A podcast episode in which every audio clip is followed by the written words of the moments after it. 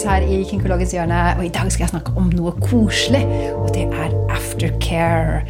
Ja, hva er det for noe? Ja, Oversatt direkte så kan vi kanskje si etteromsorg. Noen vil si det er direkte kos. Men det er forskjellig, fra, både fra person til person, men også i forhold til den leken som akkurat har blitt gjort. For hva er aftercare? Skjer etter en BDSM-lek, en kink-lek, en scene eller en session, uh, hvor man har uh, hatt en høydeopplevelse av sterke emosjoner, sterke opplevelser. Så aftercare er det som da gjøres mellom de partene etterpå for å komme tilbake til seg selv, komme tilbake ut av den fantasiverdenen eller den følelsen eller den intense opplevelsen som man akkurat har hatt. Det starter gjerne ved avslutningen av scenen. Så det er ikke sånn at man har en scene, og så er det brått stopp, og så har man aftercare. Det er gjerne en fin overgang fra det ene til det andre. En nedtrapping. Det kan starte med f.eks. Eh, eh, kanskje det er noen nøkkelord som man bruker eh, man har avtalt i en scene, som betyr at nå begynner vi å avslutte, og vi kommer ut av den, denne opplevelsen. Eh, hvis det er tau, f.eks., så um, i shibari så er det jo det å begynne å ta av de tauene. At man eh, da har kommet ut av den bondagen. Eh, det kan være Hvis man tar av halsbåndet i en scene, så at det betyr at nå er ikke du min slave, min uh, my pet, um, mitt kjæledyr. Uh, at det betyr at man er ferdig. Eller det kan være en musikk hvis man har en playlist som man hører på. At det kan være en sang. At når man kommer til den sangen, så betyr det at man begynner også å trappe ned, og så komme ut av den settingen som man har satt opp. Og da, Hvor er det man gjør aftercare? Det kan være på samme sted som man har hatt den leken. Det kan, eh, for Hvis man har vært oppe i sengen hele tiden og kanskje hatt masse bondage, så det å ta av utstyret, og så er man i sengen og man koser og har det koselig der og, og slapper av, og kanskje sovner i den sengen. Og det er kjempefin, eh, god aftercare. Hvis det er en uh, helt annen type scene, kanskje det er et forhør som har pågått i et spesielt rom, uh, som er ganske strilt og egentlig kaldt og ubehagelig, eller noe av settingen som er meningen at den skulle være sånn, så kan aftercaren være da å komme helt ut av det rommet, helt ut av den scenarioen, og komme til et annet sted, et annet rom, en stue, en, en, noe annet som er lunere og mer behagelig, og der få få komme tilbake til hekkene og komme til seg sjøl igjen et, i en helt annen setting. Og det er for å endre på følelsesladningen som man har hatt fra før, og så, og så og komme ut av den stemningen. Det kan eh, være spesielt på klubb. Hvis man er i en BDSM-klubb, så er det gjerne private rom, og der kan man eh, leke i en sett tid. For det er veldig mange som vil bruke disse rommene.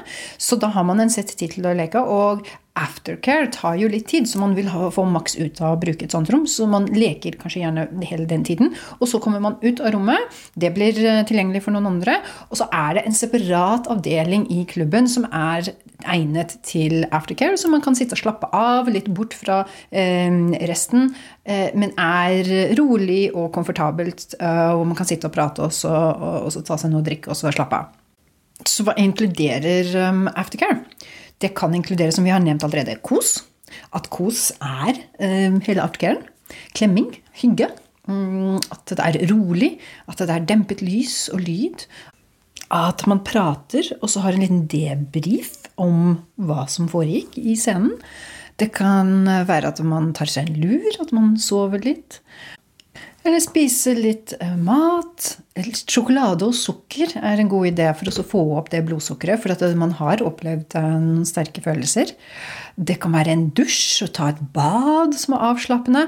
Alle disse tingene som gjør at kroppen, både fysisk og emosjonelt, følelsesregisteret, får balansert seg igjen på en god og trygg måte.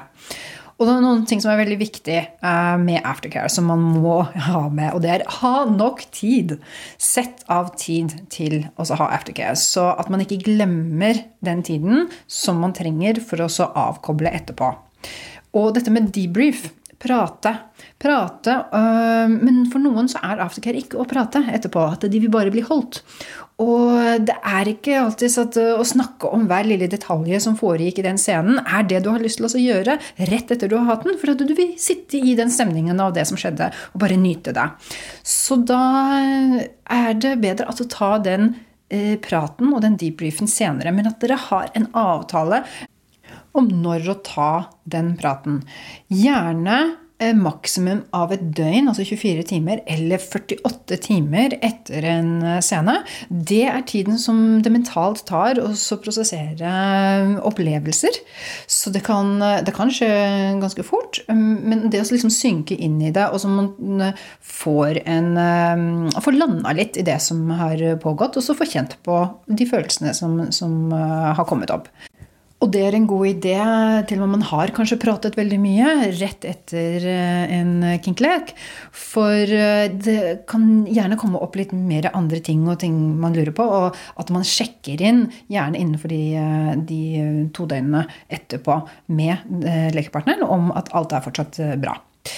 Og relasjonen som du har til lekepartnerne, det dikterer hvordan også aftercare kommer til å se ut.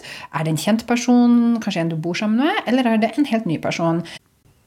Da er det veldig kjekt å spørre hva er det du eh, trenger for aftercare? Eller hva kan du tenke at eh, du har behov for etter en, eh, en lekestund? Hva liker du? Dette er kommunikasjonen før en scene skjer. Så er det ikke bare for eh, den mottagende parten. Så det kan tenkes at den subben eller bunnen eller ropen din at det er de som trenger omsorgen for at de har hatt noe intenst eh, gjort eh, til dem eller med dem. Men dette her er like mye for den dominante part, for den som styrer showet, eller den som holder holds the space. For de har gått gjennom like mye intenst og har lagt mye energi inn i dette her og trenger bekreftelse tilbake også at dette her eh, gikk riktig, eller hva som trengte å endres, og, og hva, hva, som er godt og, og, kanskje ikke så godt. For å skape den tryggheten og den, eh, den sunne stunden som forhåpentligvis man har lyst til å repetere senere og kan gå videre med i den relasjonen. Da ønsker jeg dere riktig god aftercare og en deilig, herlig jul.